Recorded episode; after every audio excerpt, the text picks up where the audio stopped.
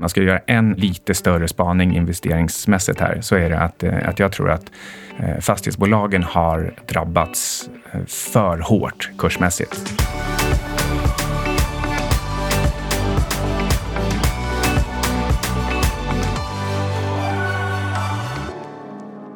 Hej! Du lyssnar på Offsiders med Syding och Svan.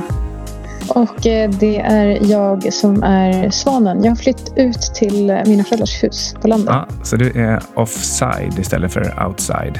Ja, det är väl samma sak kanske. Vi ska prata om eh, ändrade konsumentbeteenden och eh, till vår hjälp för att göra det här så har vi också Alexander Marton som eh, fixar ljudet och det kanske behövs lite extra den här gången. Precis, för jag har inte ens hörlurar med mig. Jag har hörlurar med mig men av någon anledning så funkar inte de till typ Skype eller eh, ja, jag vet inte. Det var dåligt planerat av mig. Mitt beteende har inte ändrats så himla mycket. Nej, då, precis.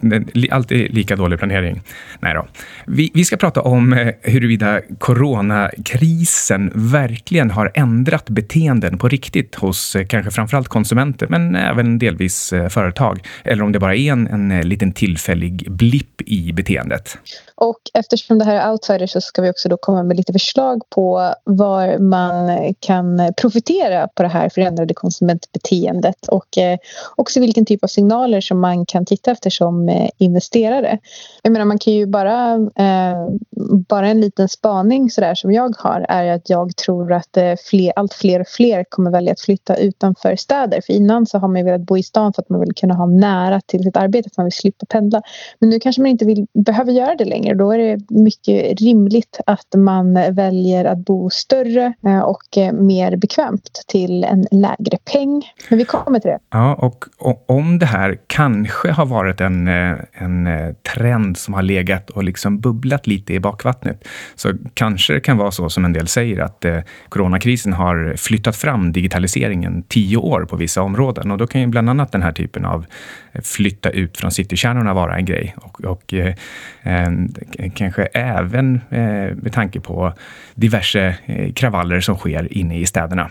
Ja, precis. Eh, det ska bli spännande att se. Vi har ju bara tittat lite på eh, tomter, men jag vill inte komma för långt utanför Stockholm, för jag vill gärna i alla fall kunna ta mig in till det här otroligt fantastiska kontoret som vi har skaffat. Så vi får se vad det blir med det. Vi eh, tog en liten cykeltur här i området där jag kommer ifrån igår och eh, min pojkvän pekade på eh, diverse hus och sa där kan vi flytta och jag sa nej det kan vi inte. Mina föräldrar hade varit överlyckliga om eh, de hade hört honom säga det. Men så vi får se. Jag håller mig gärna närmare Stockholm som sagt så jag tror inte det blir en tomt på landet anytime soon. Vi får se. Mm, nej, jag tror att städer och centrum kommer ha en, en, en stor roll även i framtiden.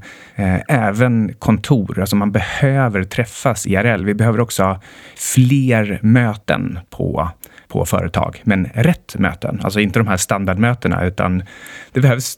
Det, här faktiskt, det finns bra forskning på det här som visar att antalet möten stiger och det ska de också göra, för det, det är där värdet skapas.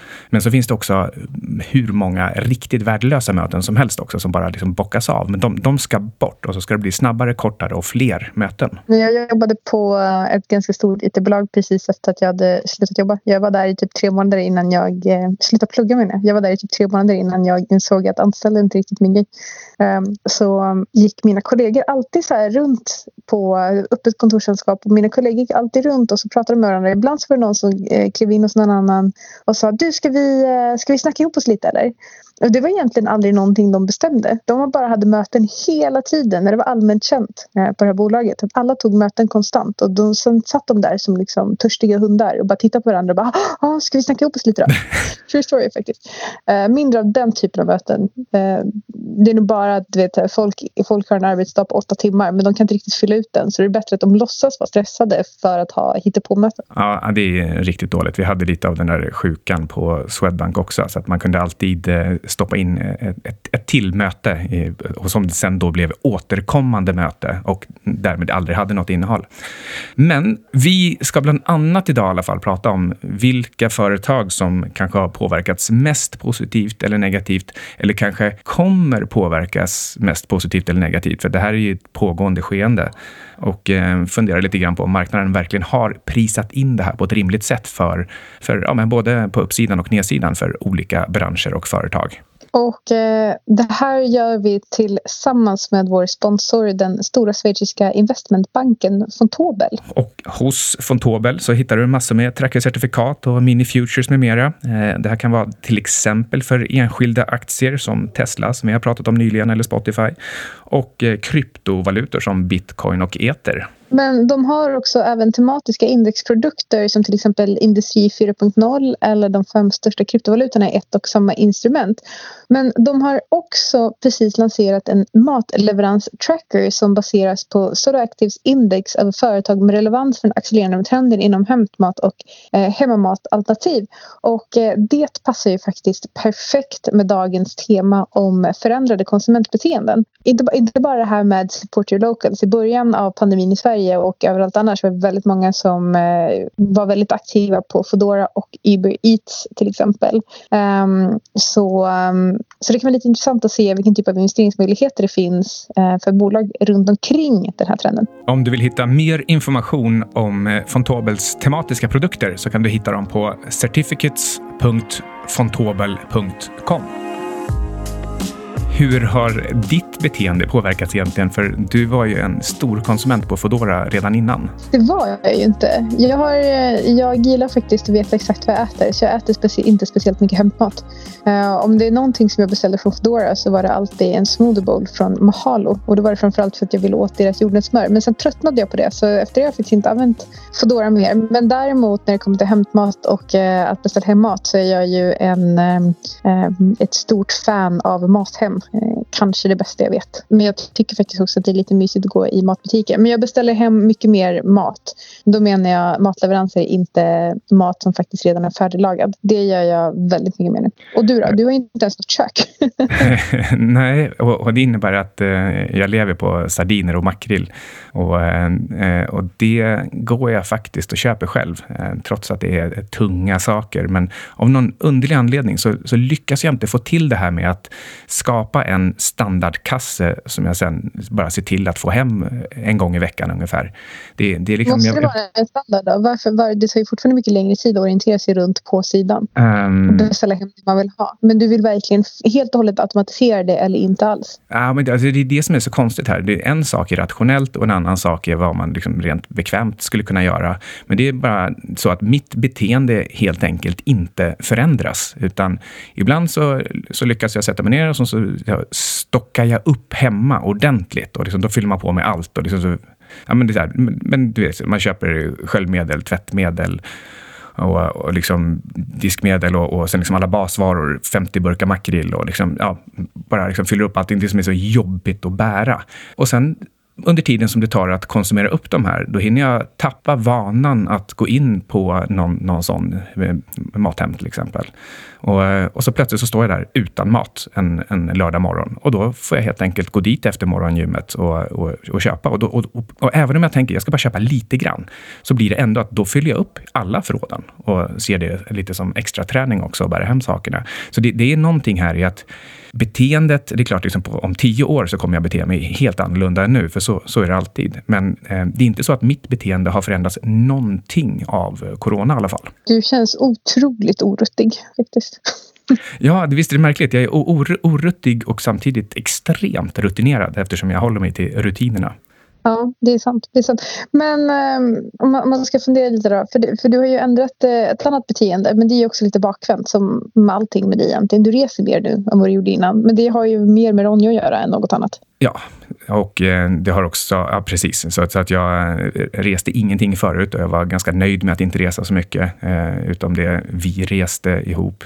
Och, eh, och nu så har liksom fördämningarna släppt när, när jag inte har Ronja längre. Och sen eh, har jag hittat nya bekantskapskretsar också som reser, så eh, därmed så flyttar jag helt enkelt mer på mig rent fysiskt. Och det, det, är en, det är ändå en kul omväxling. Det är precis det här också, så här livet funkar. Att man, man gör en sak i fem år, sen gör man en helt annan sak i fem år. Sen kan man gå runt och lura sig själv att man inte ändrar sitt beteende. Men, men ofta så är det så att tittar du bakåt på vem du var så, så har du förvandlats till någon någon helt annan som gör helt andra saker, befinner dig på andra platser och har ett annat umgänge, andra företag och så vidare. Det får mig inte helt osökt att tänka på en gammal vän som sa till mig, jag är exakt samma person nu som för tio år sedan och sen var inte vi vänner längre. Men ska vi gå vidare? Ingen rekommendation. Nej, men exakt. Företag väljer ju gärna distansarbete för att svara på lokaler och resande om de tror att det går att göra med minst samma produktivitet som tidigare. Här tycker Spotify var ju faktiskt ett av de första bolagen som började rekommendera sina anställda att jobba hemma. Facebook har valt en liten annan approach och säger att ja, men ni kan få fortsätta jobba hemma i framtiden men till lägre lön.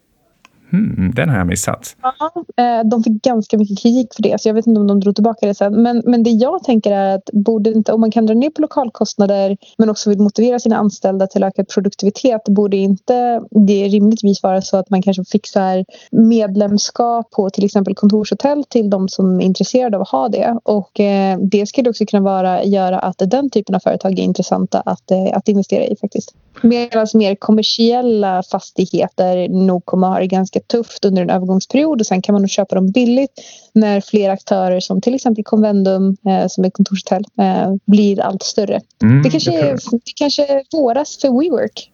ja, kanske inte just WeWork då men, men eh, jag håller helt med om eh, själva, själva spaningen. Jag tror att det var det som redan hade... Det här är en, ett exempel på, kanske inte en digitalisering, men, men en liksom as a serviceisering där eh, det här att, att verkligen äga dina egna lokaler ehm, eller ha en, en, en spec, ett specifikt användningsområde för dem, det är lite passé. Och eh, det är... Det, menar, om, man, om man hyr ut kontorsplats på det sättet som till exempel Convendum gör, då, ehm, då kan man också ha, man kan ha fler hyresgäster tjänster än man har platser, vilket gör det mycket mer effektivt än ett vanligt, en vanlig kontor.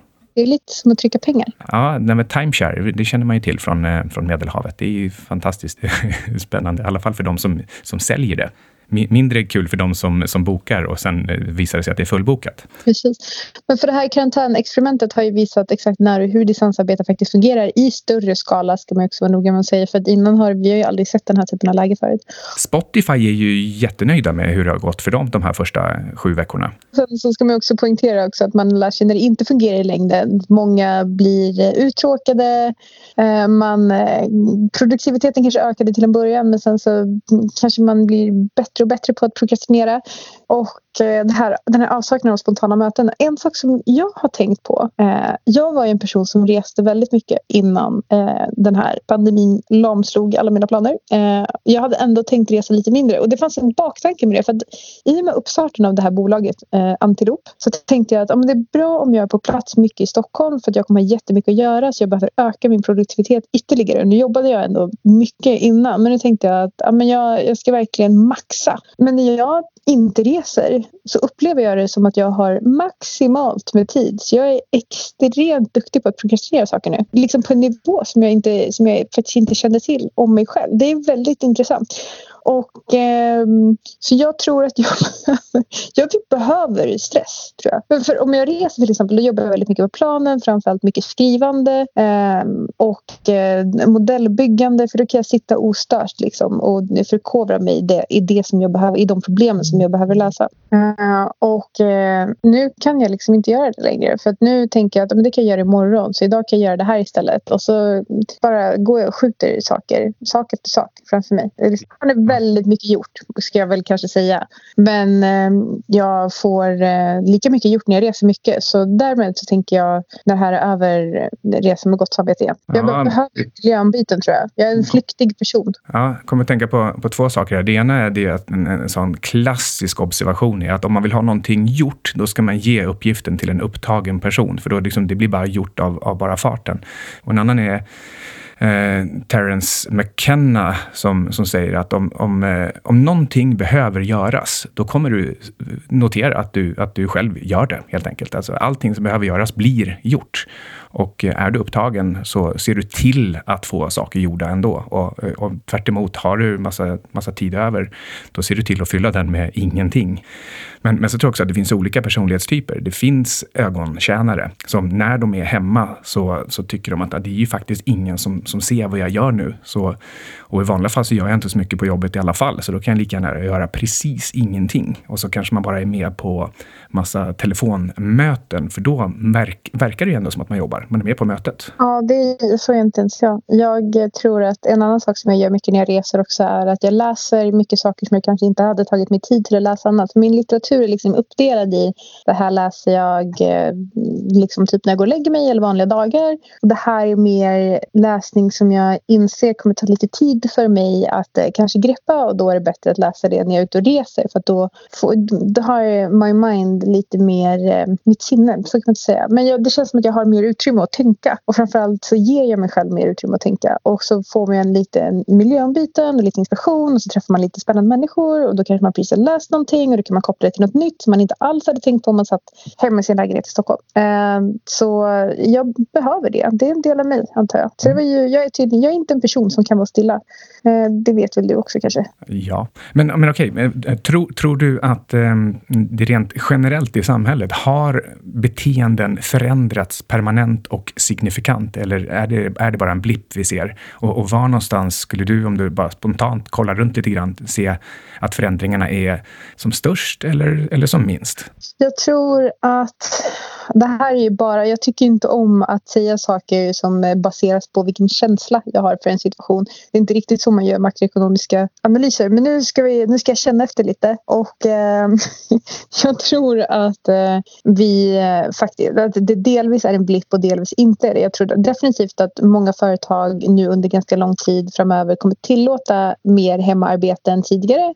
Eh, och sen så tror jag att allt sånt går alltid i cykler och även nu. Jag tror att det kommer vara så att man om ett par år kanske tittar på sätt att försöka öka produktiviteten och då kommer man ha glömt bort hur hemmajobb faktiskt var en lösning och då kommer man försöka samla sina anställda igen.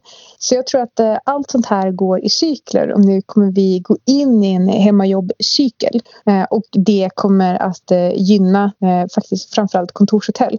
Och det är svårt för det finns inte riktigt många sådana noterade alternativ så det är egentligen om du skulle vilja göra en private placement som som du kanske får köpa en fastighet och börja hyra ut. Då.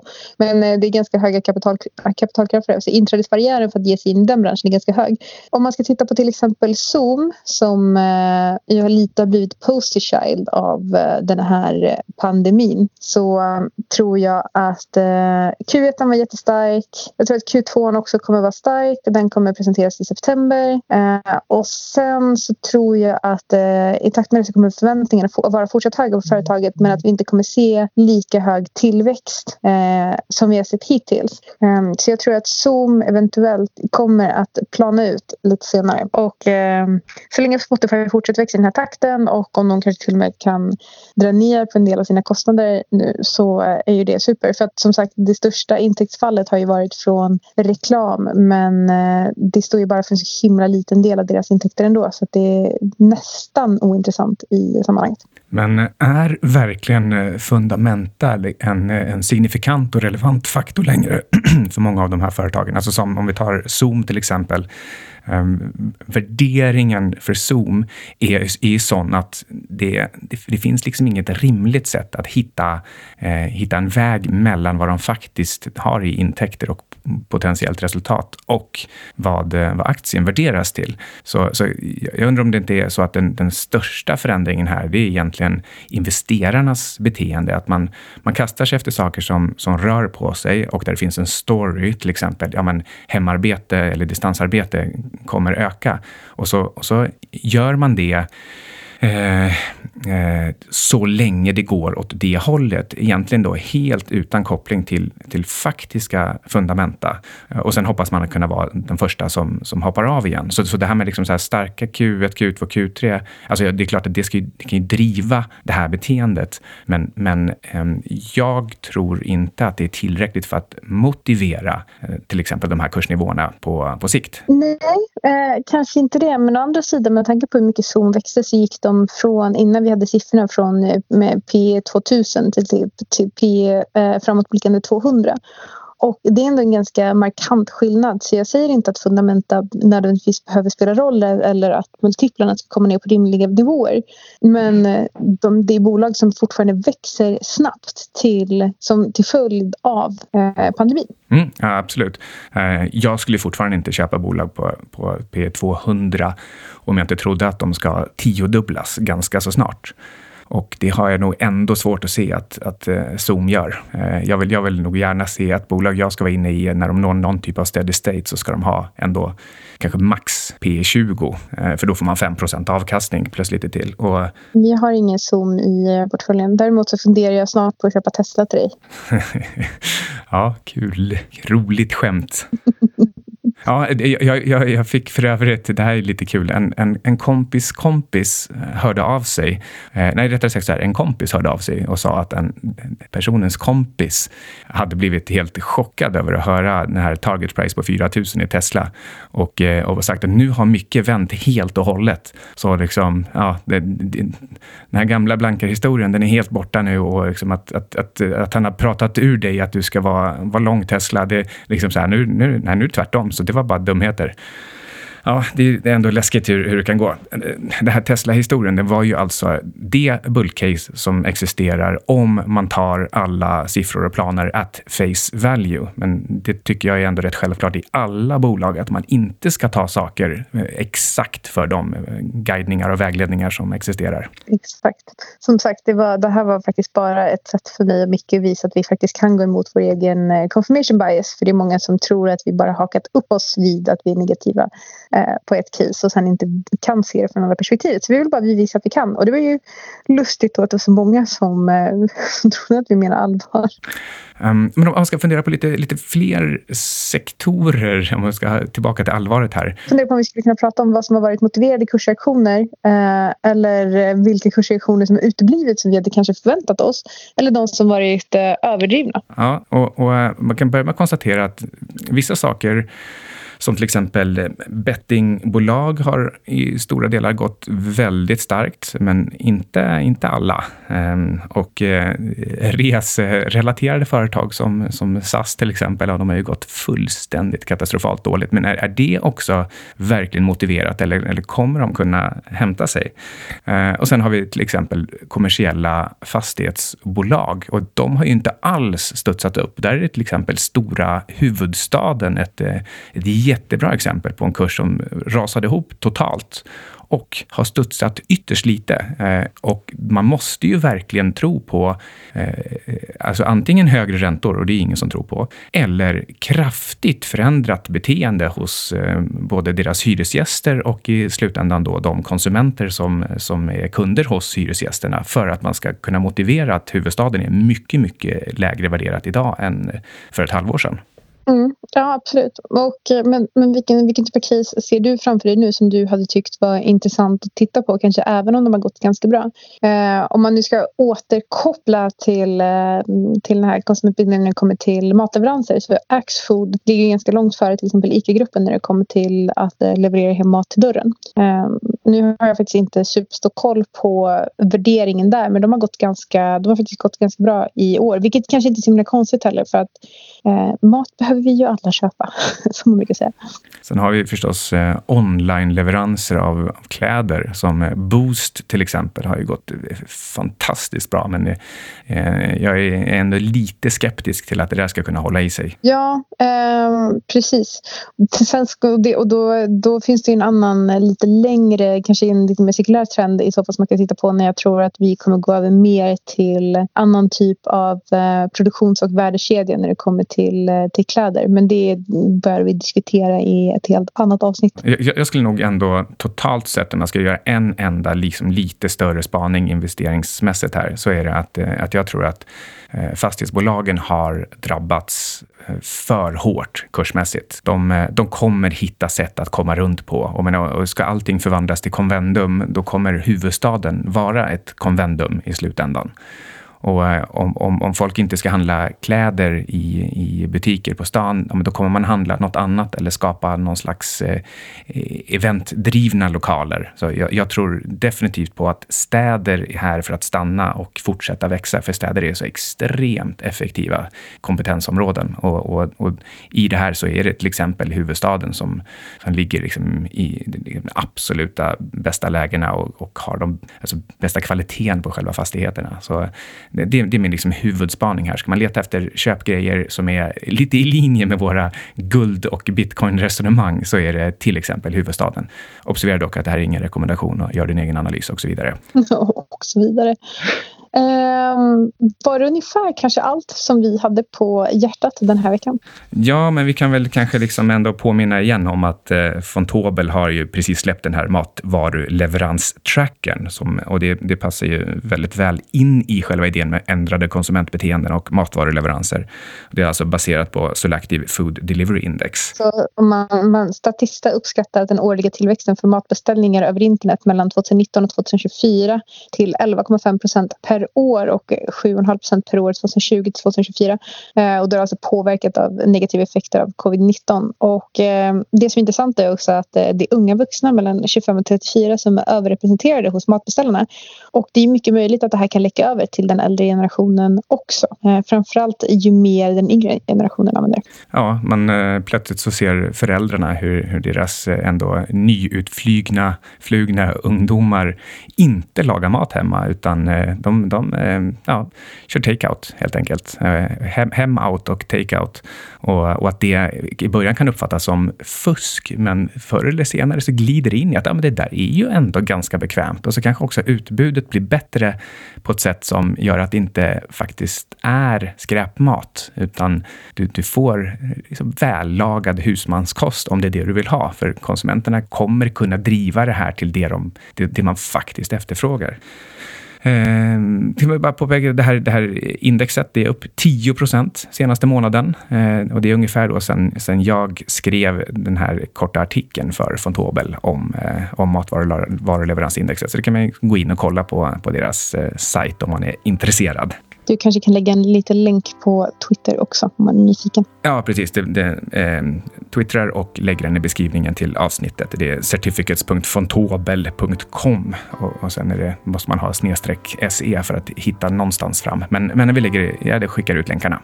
Då har du lyssnat på Offsiders.